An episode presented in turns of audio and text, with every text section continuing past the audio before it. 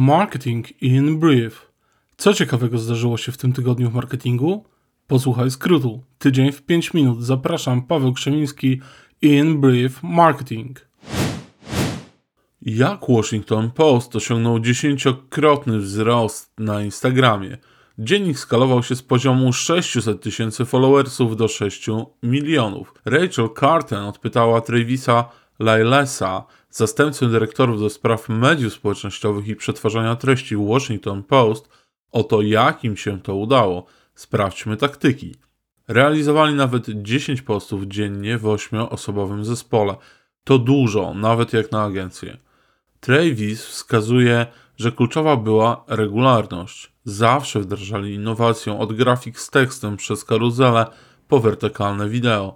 Pomocne było spójność i natychmiastowe reagowanie. Cross-promocja może być remedium na ból inflacji. Marketing przy kawie podaje korzyści wynikające z crossowania. Są to dotarcie do nowej grupy odbiorców, wzrost zasięgów, a co za tym idzie wzrost świadomości marki oraz wzajemny przepływ wartości i autorytetu. Dominika Borowicz, autorka tekstu, dodaje, że przy dobrze rozegranej współpracy rośnie potencjał sprzedażowy i spadają koszty zewnętrzne. Reklamy AR wjeżdżają na Instagram. Jak podaje Dagmara Pakulska, za nowym marketingiem Meta zadebiutuje z wersją beta reklam AR. Mają się one pojawić m.in. w Stories.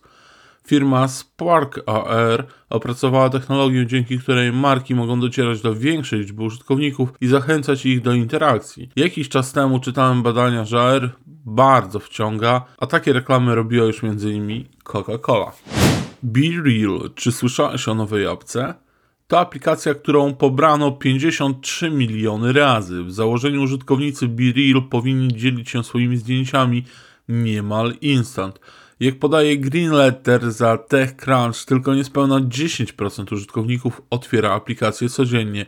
To daleko za Instagramem, jego współczynnik to niemal 40% i TikTokiem niemal 30%. Będę obserwował dalszy rozwój zdarzeń, bo obawiam się tutaj scenariusza Clubhouse. In brief. TikTok odnotował straty pomimo ponad 60 miliardów dolarów przychodu w minionym roku. News pochodzi z serwisu Wall Street Journal, a wypatrzyłem go w newsletterze Jakuba Biela.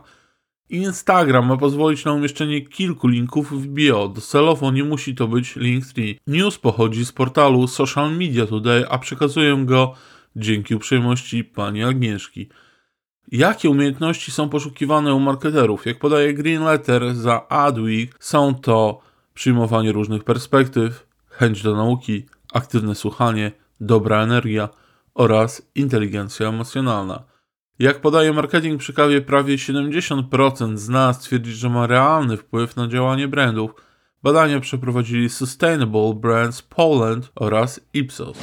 Deepfakes mocno namieszają w zawodach. Na TikToku pojawiło się fałszywe konto aktora Keanu Reevesa. Konto nazywa się Unreal Keanu Reeves, nierealny Keanu Reeves.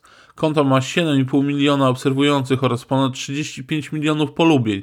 Zadaję sobie pytanie, czy w przyszłości pojawią się zawodowi dublerzy celebrytów, aktorów i influencerów, oraz czy deepfakes zdominują kampanię wyborczą w 2023 roku.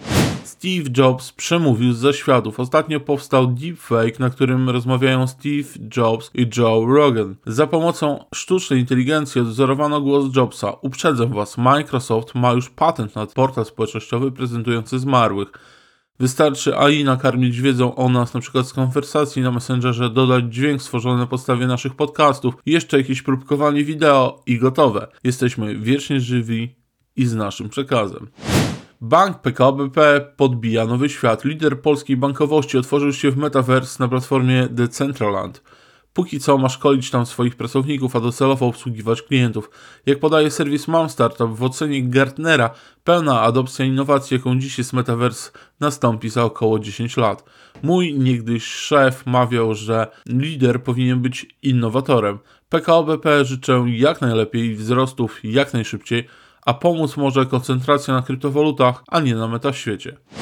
Czy bańka NFT pękła? Jak podaje newsletter Web3 w minutę, sprzedaż NFT gwałtownie spadła.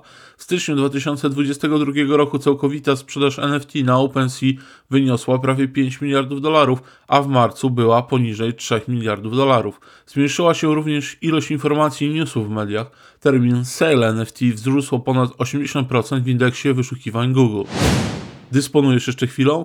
Oceń ten odcinek na platformie Spotify lub Apple Podcast. Spodobał Ci się? Oszczędza swój czas, subskrybuj ten podcast i zaproś do lektury znajomych. Chcesz, abym przytoczył Twojego newsa? Prześlij go na adres mailowy zawarty w opisie odcinka. In Brief Marketing.